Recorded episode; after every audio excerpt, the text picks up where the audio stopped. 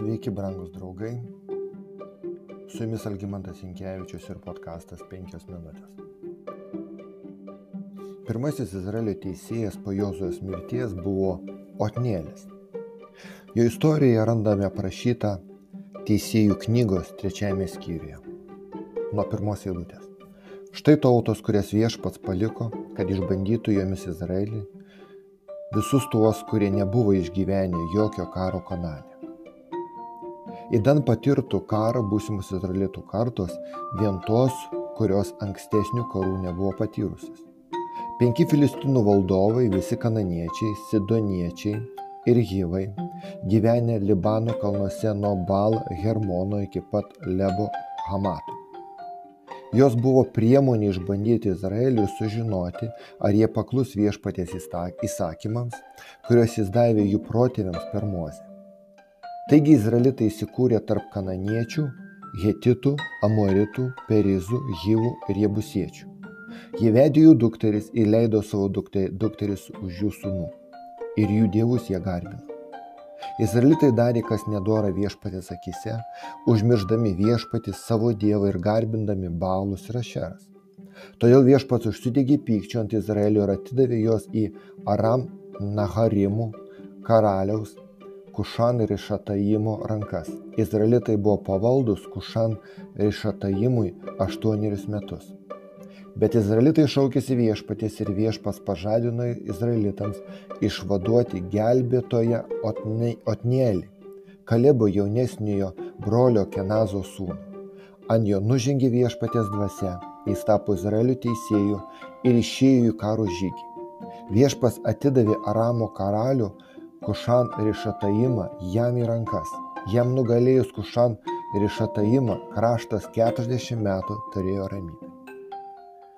Iš kur jis? Ir ką mes žinome apie jį? Jošos laikais Atnėlis pradėjo garsėti. Jozujos knygoje 15 skyriuje yra parašyta. Kalebas paskelbė, kas puls ir užims Kirjat Sefarą, tam duosiu savo dukterį ah, Ahsa žmoną. Kalebo brolio Kenazo sūnus Otnielis jį užėmė ir Kalebas davė jam savo dukterį žmoną. Otnielis, Kezano sūnus, buvo kilęs iš judo giminės. Jis buvo Kalebo giminaitis ir jau parodė savo drąsą užimdamas Kirijat Sefarą, kuris priklausė kananiečiams. Dėl savo narsumo, drąsos jau turimo patyrimo kariniuose veiksmuose, o svarbiausia - dėl Dievo vedimo ir pasitikėjimo jo vedimu, Otnielis buvo tinkamas būti pirmoju teisėju ir įkvėpti Dievo žmonės vesti sėkmingai juos į kovą su angėjais. Netrukus po to, kai Izraelis įsikūrė Kanane, jų tikėjimo grinumas pradėjo, jeigu taip galima pasakyti, gadintis, mažėti įgauti priemaišų ir ramybė pradėjo trauktis nuo jų. Tačiau reikia pripažinti, kad vargas verčia šauktis Dievo, kuris anksčiau vargu ar jiems buvo reikalingas, kada jie pradėjo sekti kitais dievais. Vargas ir priespauda privertė juos pradėti su Dievu kalbėtis, ieškoti jo. Ir Dievas galestingai grįžo pas juos ir atnešė išlaisvinimą. Viešpatės dvasia nužengė ant otnėlio.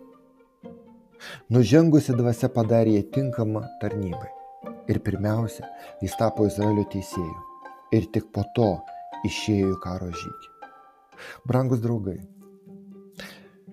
tegul pirmiausia būna nugalima nuodėmė namuose. Tas vas blogiausias priešas, kuris yra arčiausiai. Tada su kitais mūsų priešais mums bus lengviau susidoroti, lengviau kovoti. Petras ragina mus, būkite blaivus, būdėkite. Jūsų priešas velnės kaip remuojantis liūtas lankioja aplinkui, tykodamas, ką praryti. Pasipriešinkite jam tvirtų tikėjimu. Brangus draugai, tegul Kristus būna mūsų teisėjas ir įstatymų leidėjas, tada jis mus išgelbės. Su jumis buvo penkios minutės ir Algymantas Jankievičius. thank you